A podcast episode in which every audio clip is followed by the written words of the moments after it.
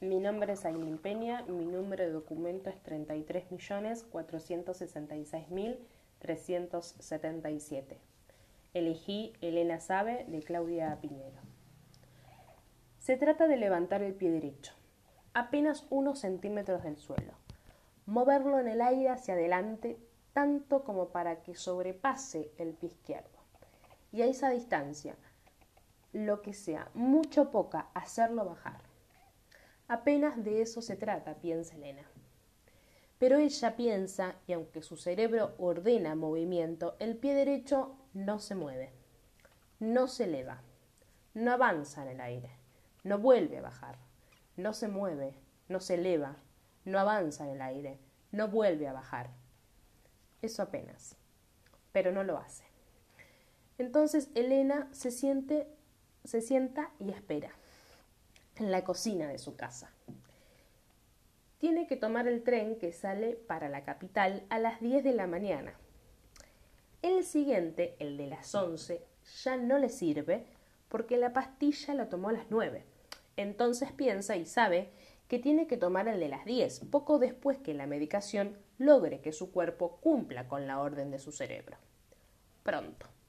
El de las 11 no, porque entonces el efecto de la medicación habrá declinado hasta desaparecer y ella estará igual que ahora, pero sin esperanza de que la levodopa actúe. Levodopa se llama eso que tiene que circular por su cuerpo una vez disuelta la pastilla. Conoce el nombre desde hace un tiempo. Levodopa. Así le dijeron y ella misma la anotó en un papel porque sabía que no iba a entender la letra del médico. Que la levodopa circule por su cuerpo, sabe. Eso es lo que espera sentada en la cocina de su casa. Esperar es todo lo que puede hacer por el momento. Cuenta calles en el aire, recita nombres de calles de memoria, de atrás para adelante y de adelante para atrás Lupo Moreno, 25 de mayo, Mitre, Roca, Roca, Mitre, 25 de mayo, Moreno, Lupo. Levodopa. Solo la separa cinco cuadras de la estación. No es tanto, piensa, y recita y sigue esperando. Cinco. Calles que todavía no puede andar con sus pasos esforzados, aunque sí repetir sus nombres en silencio. Hoy no quiere encontrarse con nadie. Nadie que le pregunte por su salud, ni que le dé el pésame tardío por la muerte de su hija. Mi nombre es Ailín Peña, mi número de documento es 33.466.377.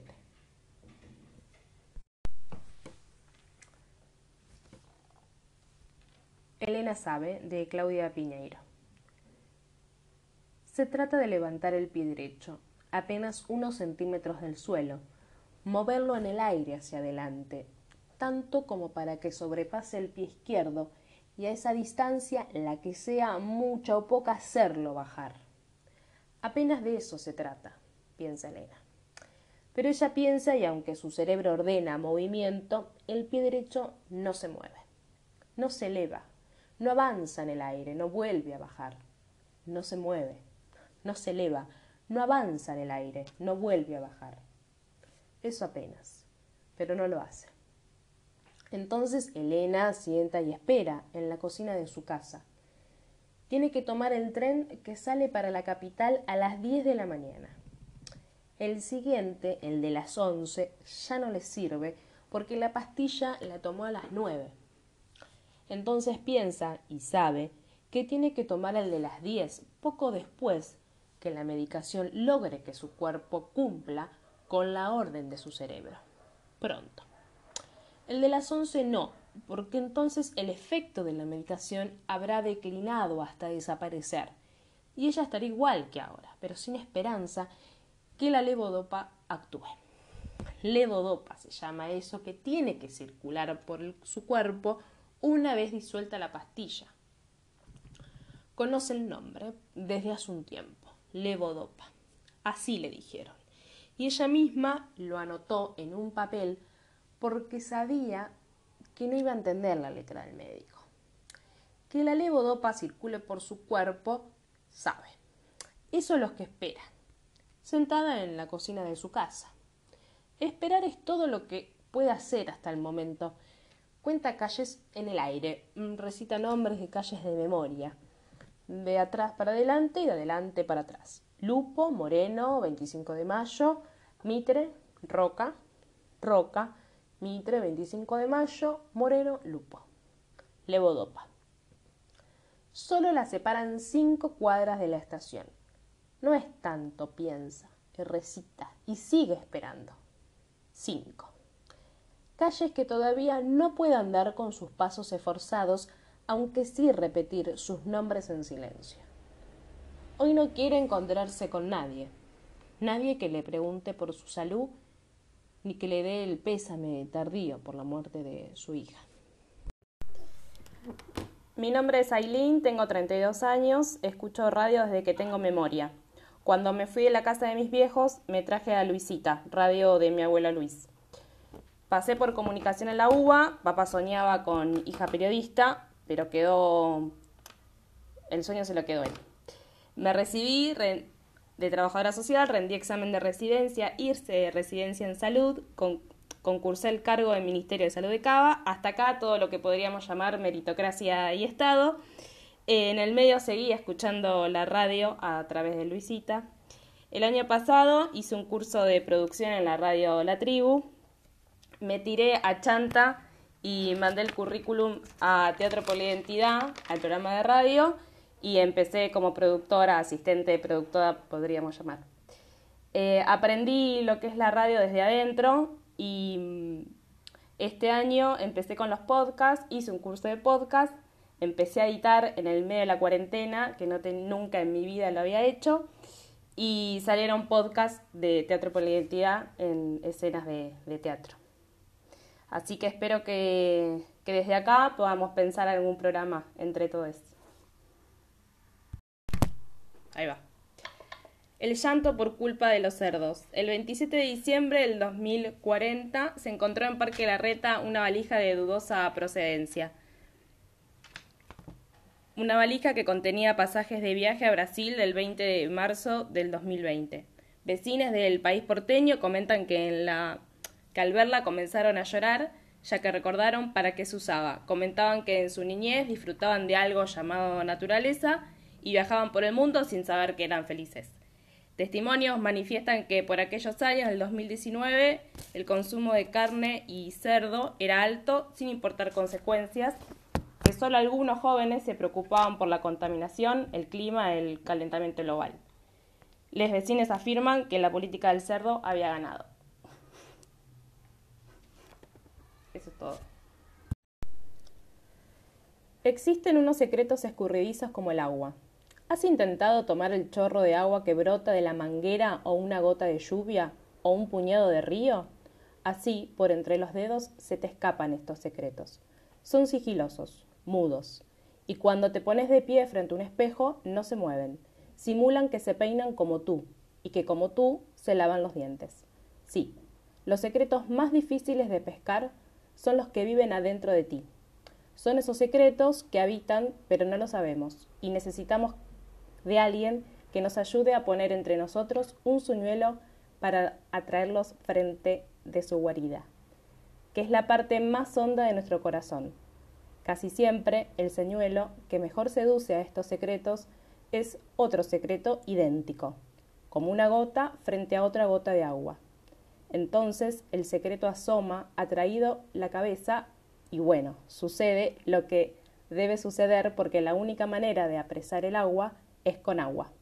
Los puños de los ríos siempre regresan al río, las lloviznas siempre retornan a la nube.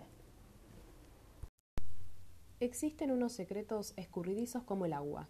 ¿Has intentado tomar el chorro de agua que brota de la manguera o una gota de lluvia o un puñado de río? Así, por entre los dedos se te escapan estos secretos. Son sigilosos, mudos, y cuando te pones de pie frente a un espejo no se mueven. Simulan que se peinan como tú y que como tú se lavan los dientes. Sí, los secretos más difíciles de pescar son los que viven adentro de ti Son esos secretos que nos habitan pero no lo sabemos. Y necesitamos de alguien que nos ayude a poner ante nosotros un señuelo para atraerlos fuera de su guarida, que es la parte más honda de nuestro corazón. Casi siempre el señuelo que mejor seduce a estos secretos es otro secreto idéntico, como una gota frente a otra gota de agua. Entonces el secreto asoma atraído a la cabeza y bueno, sucede lo que debe suceder, porque la única manera de apresar el agua es con agua. Los puños de los ríos siempre regresan al río, las lloviznas siempre retornan a la nube. Existen unos secretos escurridizos como el agua. ¿Has intentado tomar el chorro de agua que brota de la manguera o una gota de lluvia o un puñado de río?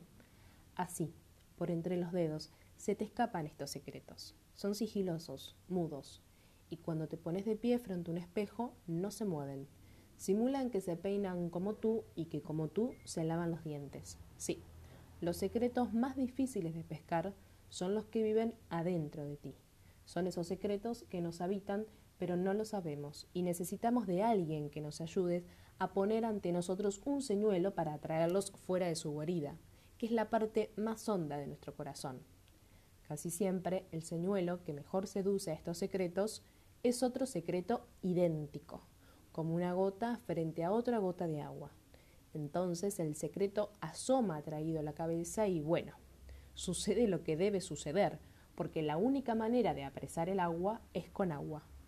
Los puños de los ríos siempre regresan al río. Las lloviznas siempre retornan a la nube. Existen unos secretos escurridizos como el agua.